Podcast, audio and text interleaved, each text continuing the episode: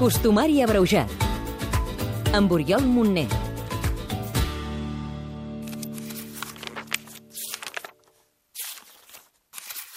Aquí, 25 de desembre, Nadal.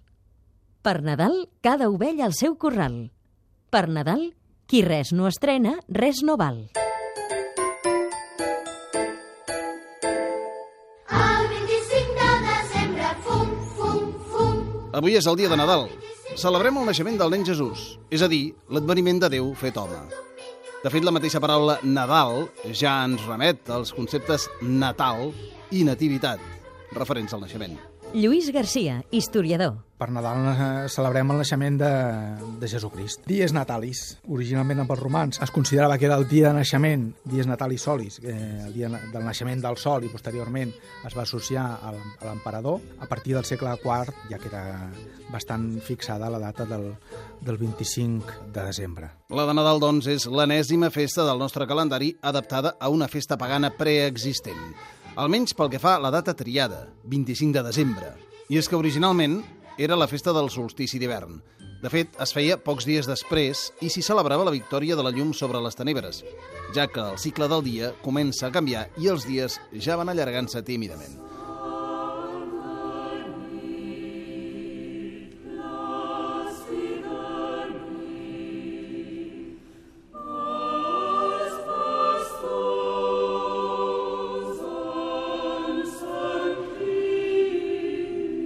Ja sabeu la dita, per Santa Llúcia un pas de puça, per Nadal un pas de pardal i per Sant Esteve un pas de llebre.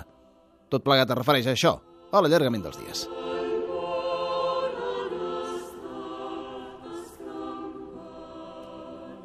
Per cert, a moltes cases avui feu cagar el tió, oi?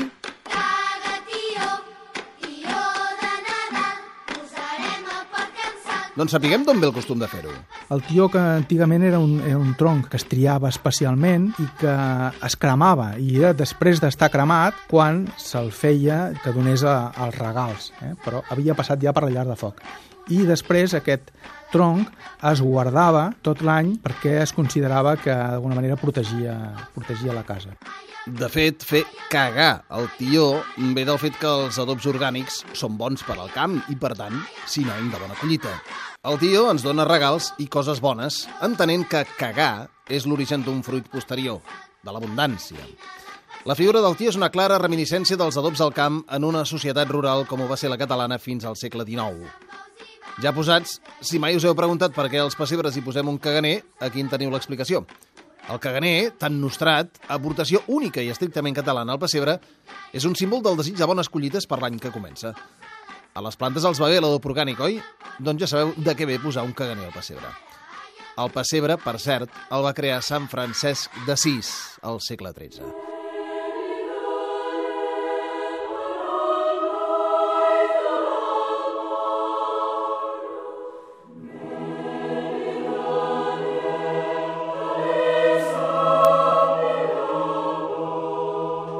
Ja veieu que rituals d'avui com el del tió o el de l'arbre de Nadal tenen l'origen en un recordatori als déus de la natura perquè fessin fruitar els arbres.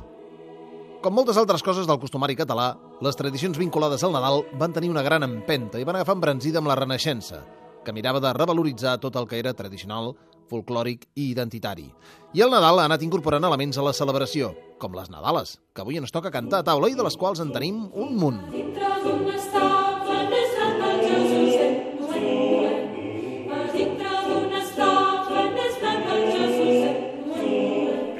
Avui tots apleguem la família al voltant de la taula per fer un gran dinar familiar. El dinar de Nadal, possiblement el més sonat de tot l'any. I és que el Nadal és una festa arreladíssima. Tothom la celebra. Fins i tot els menys creients fan avui un dinar especial amb la família. I al dinar de Nadal toca menjar escudella. Fermí Puig, cuiner. escudella ve d'escudilla, d'escudillar és, és un estri, per dir manera. El caldo era la menja quotidiana. La gent, en el petit foc que tenien, hi deixaven una olla i allò anava bullint el que se li podia tirar dins. Per tant, la escudella era diària. L'escudella dels quatre apòstols era la Nadal perquè allà es trencava la guardiola. Allà, i vamos, allà ja hi cantaven els àngels justament per això, perquè no era aquell caldo així una mica ensupit de diari. Bé, aquell dia es feia la gran festa i s'hi tirava tot el que es podia. Oh,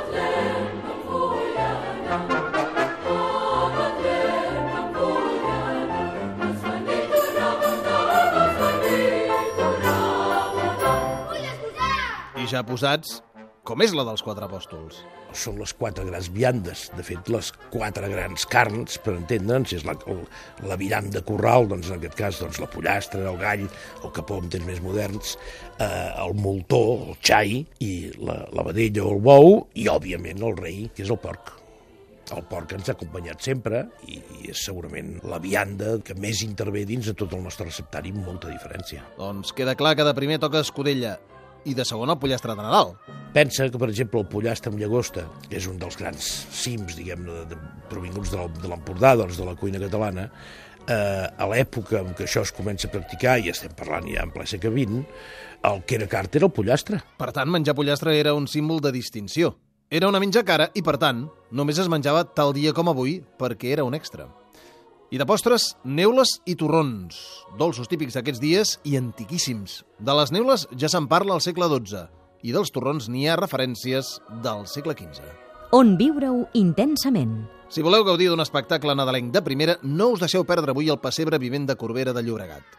Tota la vila s'hi abolca i podreu veure-hi un pessebre excepcional i mostres d'oficis antics ja pràcticament desapareguts. Que acabeu de passar un bon Nadal. Costumari abreujat, amb Oriol Montner.